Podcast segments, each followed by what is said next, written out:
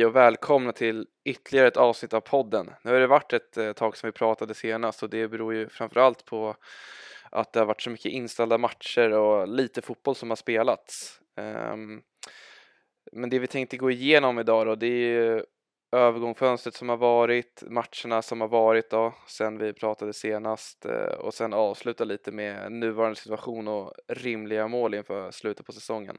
Varmt välkomna!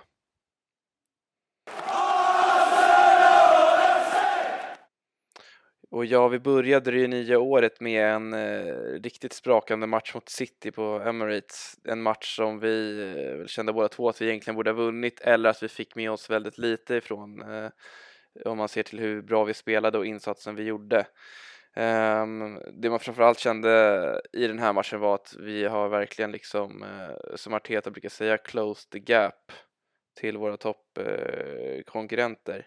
Eh, vi spelade jämnt med City och vi pressade till och med City och jag vet att kommentatorerna under matchen var inne på det att eh, de nog inte hade sett City så pass pressade som, eh, som vi lyckades, eh, ja men så hårt som vi lyckades pressa dem i början av matchen.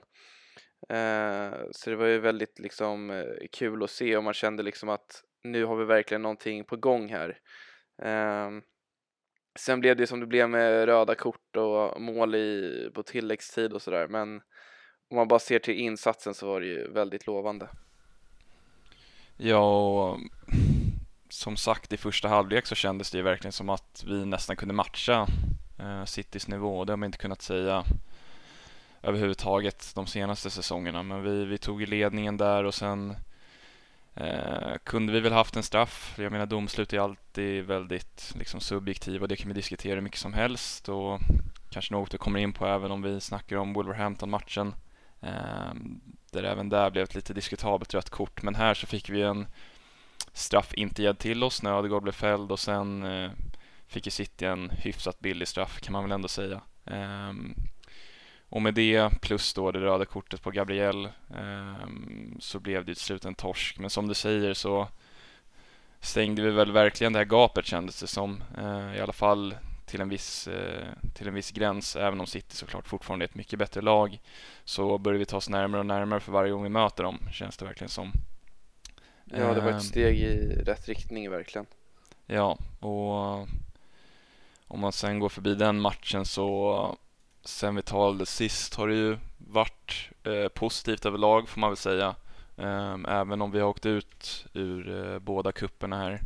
Ehm, dels då i ligacupen mot eh, Liverpool eh, där vi först kryssade och sen eh, torskade då i returmötet på Emirates där vi även där fick ett rött kort. Eh, och sen då lite mer oväntat får man väl säga mot Nottingham i FA-cupen även om vi ställde upp ett väldigt liksom eh, reserv eh, och ungdomspräglat lag där. Så var det ändå en match vi förväntade oss att vinna och FA-cupen som alla vet har vi ju varit lite av vår grej de senaste åren, även om det har sett mörkt ut ute i Europa och i ligan så har vi alltid gjort bra ifrån oss i FA-cupen och nu tog det väl slut där och det kan man väl se som något positivt ändå i och med att vi nu eh, som vi kommer in på efter transferfönstret har en ganska tunn trupp kan det vara skönt att vi bara behöver fokusera på ligan. Eh, men såklart, man vill ju alltid utmana om, om titlar och det har vi väl ingen chans att göra längre. Nej precis och som du säger är det lite tråkigt med FA-cupen i och med att ja, det är ändå den av de två inhemska kupperna som har högst värde eller högst prestigevärde om man ska säga så. Eh, ligacupen är väl lite vad den är. Eh, man kör reservlaget fram tills liksom semifinalerna i stort sett. Um, men på ett sätt kan det nog vara lite blessing in disguise att vi åkt ut ja, med allt annat förutom liksom ligaspelet nu. Så det är bara att fokusera på det och där, som vi kommer komma in på, har vi fått en, eh, ett väldigt bra läge nu att, eh, att nå något som, känns, som kändes som hopplöst eh, i början av säsongen och som man inte riktigt har vågat tro på. Um, och just därför, som du var inne på, så har det varit väldigt positivt nu ändå eh, sen vi pratade senast, eller sen vi senast spelade in en podd. Eh, och det är liksom, som vi var inne på, det har inte varit så mycket att prata om eh, kring Arsenal just nu, alltså rent eh, fotbollsmässigt. Visst, man kan alltid göra en podd om, om övergångsfönstret eller om Dubai-lägret eller den typen av information, men vi kände att nu eh, börjar det verkligen bli dags att eh, trycka igång poddarna igen, att ta tag i den här slutspurten eh, av säsongen och, och allt vad det innebär. Eh, men eh, försöker tänka här om det är något annat vi ska gå igenom innan vi går in på övergångsfönstret.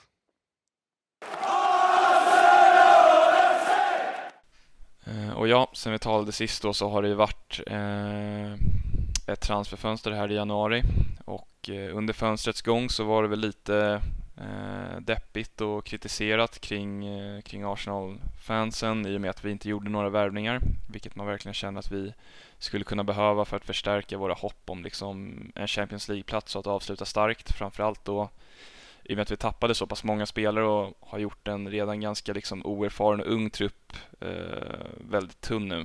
Eh, det stora tappet, om man nu vill kalla det tapp, är ju Aubameyang som gick gratis till Barcelona. Eh, och det var ju något vi snackade mycket om, eh, eller han var ju någon vi snackade mycket om förra podden.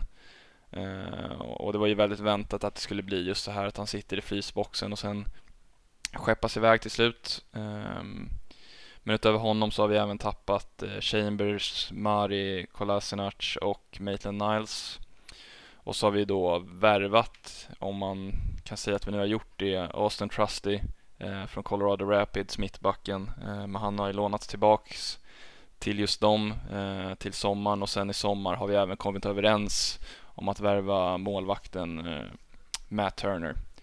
Eh, också från USA då. Eh, så det är väl inga jättevärvningar, det är truppspelare som dessutom inte ens har blivit eller tillkommit i truppen i nuläget. Så man kan ju säga att vi inte värvade någon och tappade en hel del. Eh, och det är ju verkligen riskabelt i och med att eh, som sagt, vi har en oerfaren och ganska eh, tunn trupp redan innan det här händer och, och nu blir den ännu tunnare.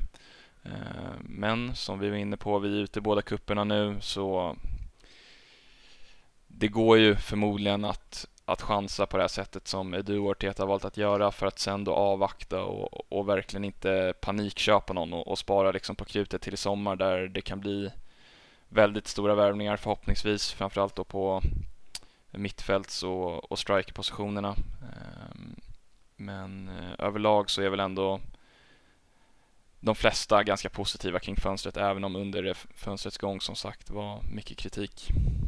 Ja, och jag gillar ju att man inte gör någon panikvärvning eller liksom det var liksom obvious att vi, eh, vi behöver en striker till, att vi eventuellt behöver en mittfältare till. Eh, vi behöver eh, liksom en till eh, högerback för att täcka upp ifall Tomiyasu som han har varit nu blir skadad. Eh, och det ryktades ju en del om Alexander Isak, det ryktades om Calvert Lewin och då har man enligt ganska säkra källor valt att inte aktivera Isaks utköpsklausul eftersom att man dömer att den är för dyr ehm, och att det i så fall kanske är någonting man, man gör fram till sommaren eh, och så vidare. Att det är ingen idé att ta så stora beslut med så pass lite tid liksom. Uh, och det är ytterligare ett bevis på att liksom nu har man en tydligare plan, man tror mycket mer på den här planen rent, uh, men hur vi ska bygga upp truppen och vilka värvningar vi ska göra och hur vi ska agera. Eh, tidigare har det varit att vi löser lite sådana här eh, med spelare som ingen vill ha eller spelare som är på väg ut för med David Luiz, William, den typen av värvningar liksom. Varför inte om man tittar tillbaka ännu längre tiden en skadad Kim Källström sista dagen på deadline day liksom. Eh, så nu känns det som att vi Eh, men vi är tryggare, vi är starkare och sen ser väl vissa det som ett svaghetstecken att det är väl bara att köpa någon, vi behöver en striker. Jo, det kanske hade varit kul eller känts bra nu liksom i stunden eller någon månad framöver men sen när vi kommer till sommaren då sitter vi förmodligen där med en spelare som vi inte vill ha, som ingen annan vill ha och som har en ganska hög lön och som bromsar oss i att göra riktiga framsteg så att kanske ett steg tillbaka eh, just nu men eh, det kommer nog leda till flera steg framåt eh, fram till sommaren liksom. Um, och sen tycker jag ändå att vi löser det här med Auba ganska bra. Han får komma till en stor klubb, en klubb som han säkert vill vara i. Och vi slipper sitta och ha en liksom eh, toxic situation i klubben med spelare som har hög lön och eh, inte får spela. Så att jag tycker ändå att vi gjorde det vi absolut behövde göra under fönstret och att vi agerade ganska klokt eh, till slut. Ja, jag håller med. Och som du säger, det är verkligen inte ett läge nu när vi har något så bra på gång och ett så tydligt och verkligen inte spretigt projekt liksom på banan att då göra någon panikvärvning förmodligen överbetala för till exempel en Isak, sätta honom på en monsterlön och sen blir det bara pannkaka av allting på grund av enorm press och, och dålig planering. Det är bättre att bara avvakta här nu. Eh, som sagt, även med tanke på att vi bara har ligan att fokusera på så har vi råd att ha en så pass tunn trupp och inte förstärka just nu. Ehm, det är väl just strikerpositionen som eh, känns lite liksom ångestframkallande. Ehm, med tanke på att vi bara har en ganska iskall, i alla fall på målfronten, Lacazette där framme och ingen täckning bakom utöver vad som känns som en väldigt medioker, liksom Enketia. Ehm, det, det håller ju inte egentligen. Um, och det känns som att det blir väldigt mycket press på Lacazette att prestera nu och eh, de senaste rapporterna är ju att vi har börjat träna med Martinelli som nia också, även om vi båda, kanske framförallt du, liksom inte känner att han passar där med att hans link-up-spel är ganska svagt. Ehm, men ja, utöver det så är vi båda nöjda med fönstret och om man ska säga något avslutande på Aubameyang så är det väl att precis som vi var inne på förra podden är det lite emotionellt och eh, sociala medier liksom exploderade ju kan man ju säga när det blev klart kring liksom hyllningar av honom och när det kom fram att han har tatuerat in liksom eh, en stor tatuering på armen när han går ut ur spelartunneln med nummer 14 på ryggen med sina söner eh, på bägge sidor av honom liksom på Emirates. Eh, det blir sorgligt och man ångrar ju att det avslutades som det gjorde men samtidigt som du säger gjorde vi väl det bästa av en dålig situation i och med att han fick ändå gå till en stor klubb där han känner sig behövd och han har ju nu eh, i deras senaste match liksom börjat prestera bra där och, och börjar väl likna den Aubameyang som man själv liksom började älska i Arsenal när han var som bäst. Eh, och vi eh, framförallt då blir ju av med det här liksom orosmomentet i klubben och, och den stora lönen som han satt på. Eh, så det blev väl ändå ett bra avslut eh, trots liksom den jobbiga situationen. Yes, och då hoppar vi in på hur det ser ut just nu, hur vi tänker att resten av, sitt, resten av säsongen kommer se ut och vad, vad vi har för mål här egentligen, eller vad som borde vara målen för klubben. Eh, och då är det ju så att vi har hamnat i en väldigt bra situation nu eh, rent eh, tabellmässigt. Bättre än vad någon av oss hade eh, liksom vågat hoppats på. I och med att United har tappat poäng så som de har gjort, Tottenham har tappat poäng så som de har gjort. Även West Ham har börjat tappa poäng så att, eh, vi har ju läge nu att eh, gå upp på en fjärde plats. Liksom. Vi har som man brukar säga games in hand. Eh, vi har spelat 22 matcher. United har spelat 25 som är på en fjärde plats. Eh, vi har Tottenham som spelat lika många matcher som oss.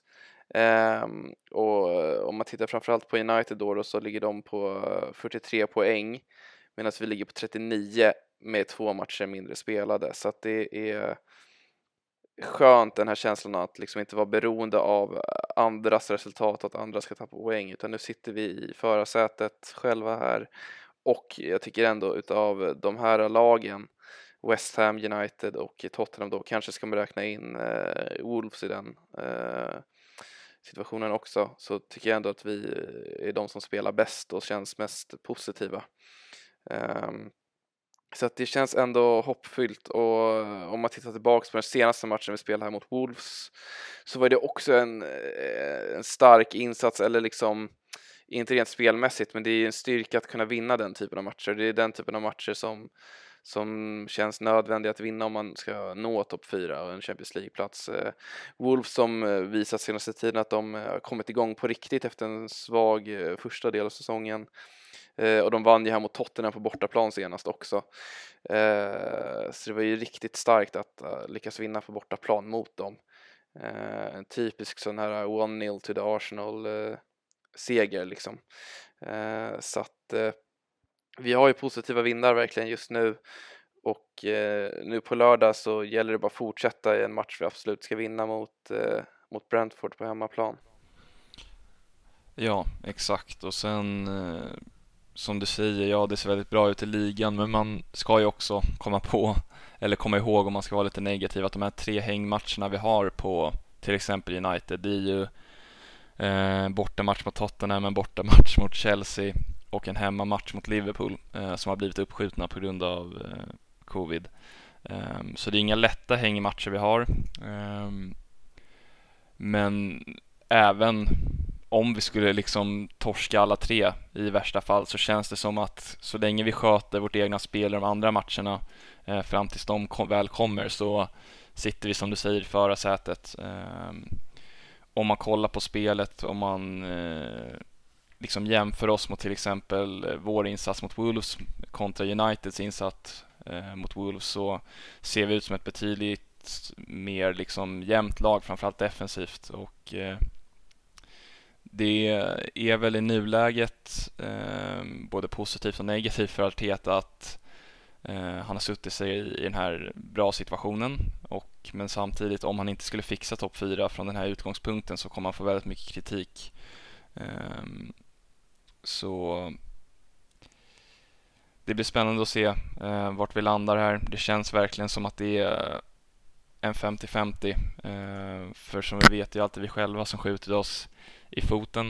Eh, och nu kan man ju se, eh, eller snarare vi kommer nog att se tillbaks på det här transferfönstret med helt olika ögon beroende på vart vi slutar. För om det blir så som det var nära på att bli mot Wolves, att det är Lacazette som bränner två bra lägen och, och vi hade torskat den matchen, då hade man ju sagt varför köpte vi ingen striker? Då hade vi fixat Champions League. Men om vi istället då fixar Champions League och sen kan värva väldigt smart och, och bra i sommar så kommer folk säga att det var ett genidrag att inte eh, köpa någon i januari. Så som vanligt är det väldigt små marginaler eh, för Arteta och, och hela klubben eh, kring vad som kommer vara godkänt och vad som kommer att bli brutalt sågat. Ehm, men det är så det är på den här nivån och det är något som Arteta säger hela tiden att om något hade det varit eh, obekvämt om vi inte hade haft den här pressen på oss för det är en sån klubb Arsenal ska vara och det är väl mer och mer en sån klubb vi börjar klättra oss till att bli igen.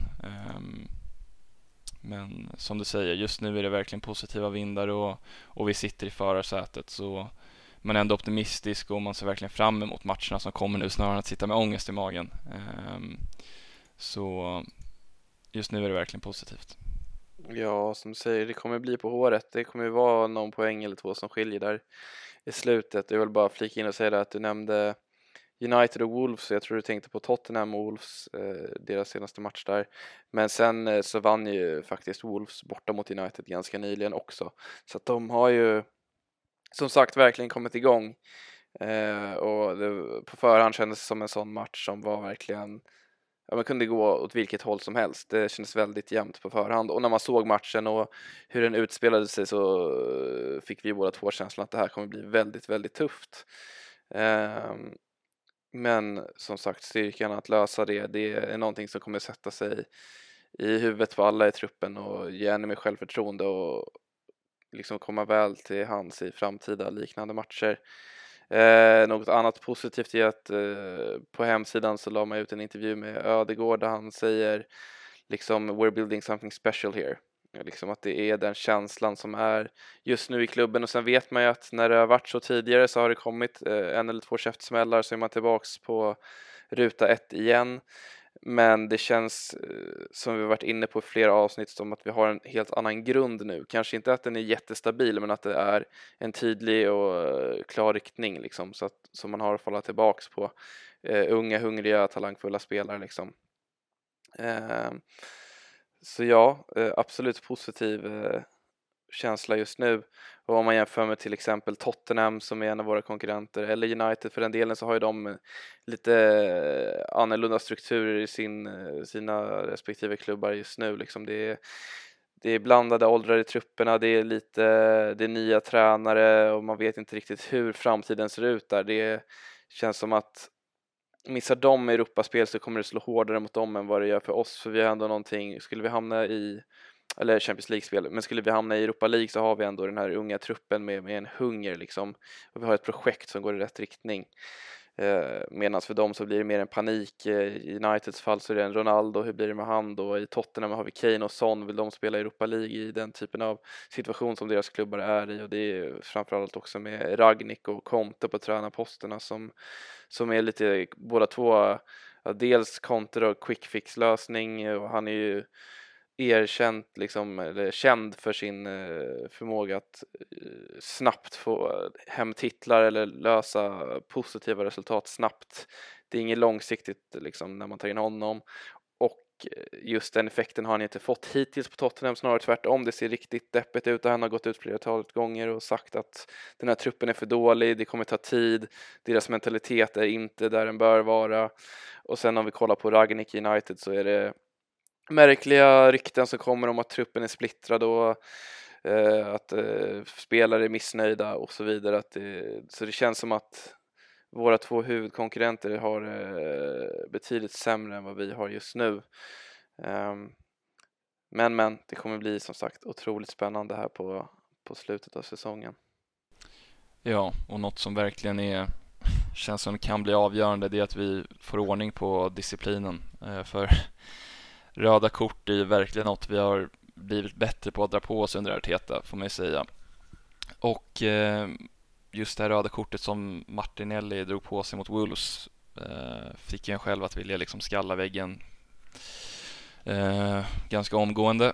Ehm, för det är ett rött kort som man aldrig i sin tid genom att ha kollat fotboll har liksom sett något liknande av förut. Ja, Arteta och, sa ju det. Han bara, jag har aldrig sett något sånt eh, under hela min karriär. Ja, så och, det var ju otroligt märkligt. Man, eh, liksom, det är inte så kul kanske att sitta och prata om liksom, och diskutera domarinsatser för då hade vi gjort det varje match och det är något man vill ha sig borta ifrån för man är ju uppenbarligen färgad när det kommer till ens åsikter men just det här känner jag är värt att ta upp för det är så pass kontroversiellt och för er som inte har sett det så är det ju det att han eh, ja, har inget eh, gult kort, eh, ingen varning eh, innan en sekvens där han först eh, petar till en Wolves-spelare vid ett inkast och sen i samma sekvens löper ner och kör en axel mot axel-tackling i, i en kontringsläge, vilket absolut man kan ge ett gult för om man är hård, men att ge två gula i samma spelsekvens utan att ens blåsa av spelet innan och därmed ge en rött direkt Um, ja, som vi sa, det är något man aldrig har sett tidigare. Um, och det är i samband med alla de här tidigare situationerna uh, som hände i matchen där Wolves-spelare tacklar oss, vi får, de får inga varningar eller vi får inte ens frispark och uh, vi har på oss en massa gula för uh, minimala tacklingar. Det gör ju bara att man liksom vill koka över och man vet ju inte vad man hade gjort om det hade lett till att vi tappar poäng, vilket det såg ut som när Wolves ganska omgående efter det röda kortet gör ett offside-mål och då tänkte man ja, nu blir det en sån här ångestmatch igen där vi förmodligen torskar mot Wolves som det har varit i tidigare säsonger. Ehm, men ehm, det är väl tack vare liksom Ramsdale och ett fenomenalt inhopp av, inhopp av Rob Holding som vi lyckas verkligen bara backa hem och, och försvara med liksom blod, svett och tårar för att få en enorm trepoängare verkligen. Och som du säger, det är sådana här trepoängare som är viktiga. Det är inte de när vi vinner mot, med 5-0 mot Norwich som är viktiga, utan det, det är de här matcherna som, som kommer att vara avgörande i slutet. Så fortsätter vi med den kriginställningen fixar vi topp fyra. Men eh, om vi fortsätter ta så här många röda kort, då kommer det ju att bita oss till slut. Ja, och som du säger, märklig sekvens och man känner ju att det rimliga hade varit gällande Martinelli där och liksom ett gult kort för hela den sekvensen men domaren gjorde som han ville lite där och ja, märkligt. Eh, också liksom bra som du säger att man är ju klart färgad här och man sitter ju varje match och känner att eh, att man blir orättvist behandlad hela tiden och att eh, eh samma typ av situation eh, bedöms olika liksom utifrån vilken färg det är på tröjan. Eh, så att det, och framförallt när det kommer till spelare som Xhaka så man känner att så fort han gör en ful tackling då är det ett rött kort som ligger och liksom är ytterst nära varje gång. Eh, men som sagt, där är det att man är färgad förmodligen som gör att man har den starka känslan. Eh, liksom. Ehm. Ja, samtidigt också om man kollar på statistiken så om man eh, såg någon så här stapeldiagram på det Eh, Eh, eller kring det på Twitter häromdagen där det är att om man kollar på hur många frisparkar varje klubb drar på sig kontra hur många röda kort de eh, drar på sig så är vi ett av lagen som orsakar minst frisparkar och har mest, särklass mest röda kort per frispark orsakad. Så um, ja, det kan man tolka hur man vill. Personligen så tycker jag väl inte vi eh, tacklar fulare än något annat lag, men uppenbarligen så tacklar vi brutalt mycket fulare än alla andra lag. Um, enligt de siffrorna. Um, jag tror det där lite är en kombination av Artetas intåg och det här med att han betonar det här med energi, att man ska jobba hårt, att det ska vara hög press liksom. Och det leder ju i sin tur till liksom att spelarna går in mer hårt liksom med mer energi och det blir mer eh, Ehm, ja men eh, möjlighet för domarna att ge kort. Och det är i kombination med att vi har eh, den yngsta truppen med många unga spelare som är lite naiva. Det såg man inte minst mot City där med Gabriel som som kliver upp och ja, tar ett väldigt oklokt beslut och drar på sig ett rött kort när han, eh, ja, eller ett andra gult kort då, och i stort sett förstör hela matchen. Ehm, och sen är det lite det här liksom, jag vet att Pep har pratat om det, liksom, jag tror Arteta har tagit med sig det till oss att de här lite smarta foulsen, liksom när man stoppar en kontring, så är det bättre att bara liksom kapa en spelare som är på väg att driva upp en kontring än att låta kontringen ske. Eh, jag tror att det är också en del liksom i att när vi väl drar på oss en frispark då är det nog ganska tydlig förseelse som är lätt att ge kort för. Ehm. Det är lite min tolkning av det, det är liksom ingenting jag har någon fakta kring men det är den känslan man har lite grann. Eh, och det är också någonting som eh, kommer försvinna i och med att truppen blir äldre och eh, att vi blir bättre liksom. Vi hamnar mindre i de här situationerna där man måste ta de här dumma kapningarna. Eh, men det är någonting som måste försvinna och Många kommer ju säga det, liksom, det är en populär åsikt att ja, försvinner Xhaka från laget kommer det bli mindre röda kort. Eh, men det tror jag verkligen inte är, är hela sanningen liksom. Eh, så som sagt, det är lite märkligt med den här statistiken. Men det finns väl vissa förklaringar. Jo, det är ju klart att eh, vi har ju börjat spela fulare under Arteta och mer, eh, mer taktiska foul som du säger i att stoppa kontringslägen och sådär. Men att det samtidigt är en så stor liksom, differens för oss och andra klubbar kring orsakade frisparkar och, och direkta röda och andra gula och, och, och liknande. Det är ju eh, det kan man ju fundera på.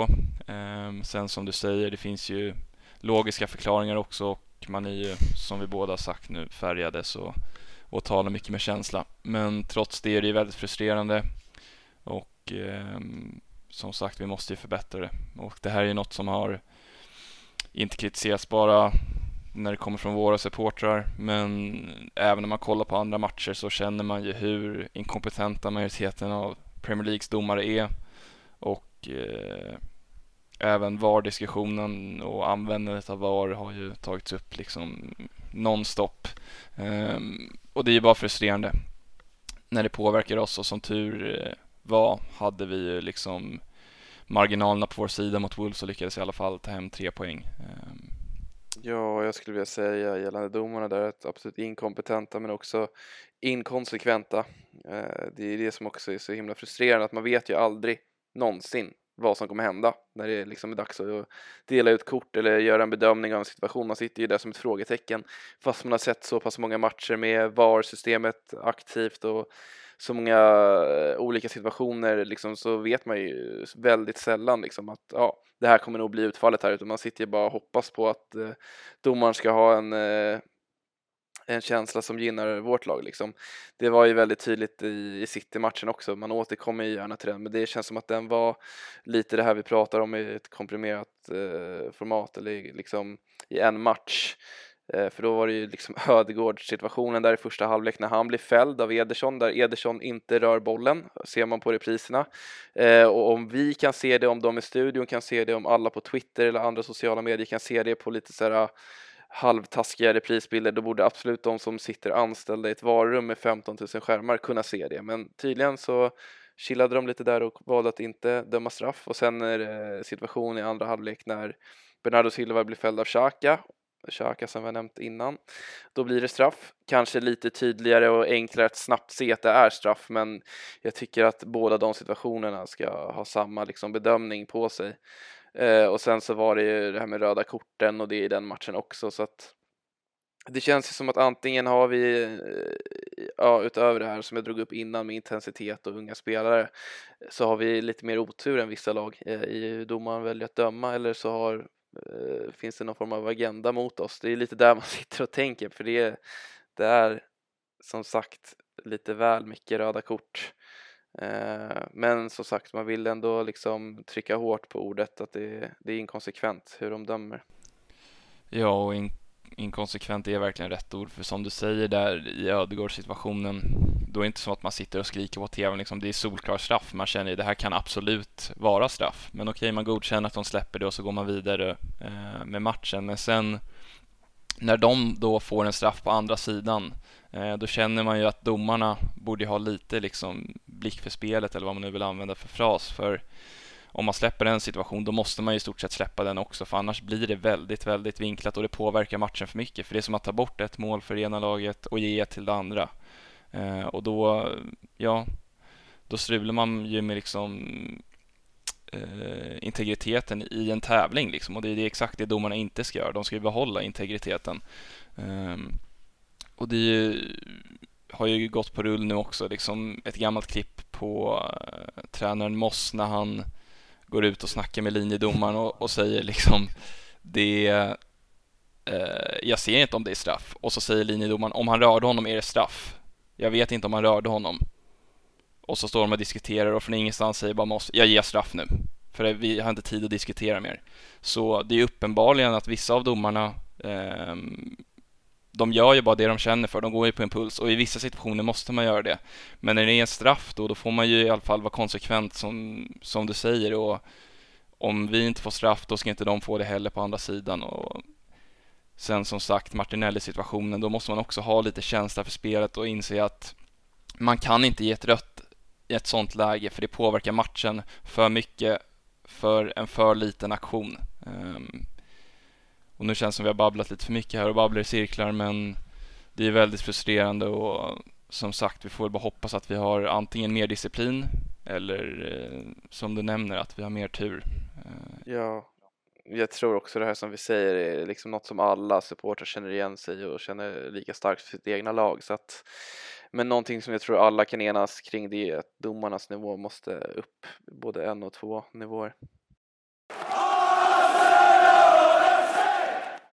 Och där känner vi väl att vi är klara för idag. Eh, som vanligt, tack så mycket till alla er som har lyssnat, eh, vare sig det är på iTunes eller Spotify. Som vanligt, eh, lämna en recension, en tumme upp, en prenumeration och, och dela eh, med alla som ni tror kan tänka er vara intresserade. Eh, vi får be om ursäkt för det lilla uppehållet. Eh, som David var inne på, det har ju varit framförallt på grund av många uppskjutna matcher och sådär men även liksom sjukdom och livet och jobb och plugg och sådär som har kommit emellan. Men eh, vi ska försöka få igång bra rullning på, på avsnitten igen. Eh, och med det sagt så tackar jag för mig. Tack för idag.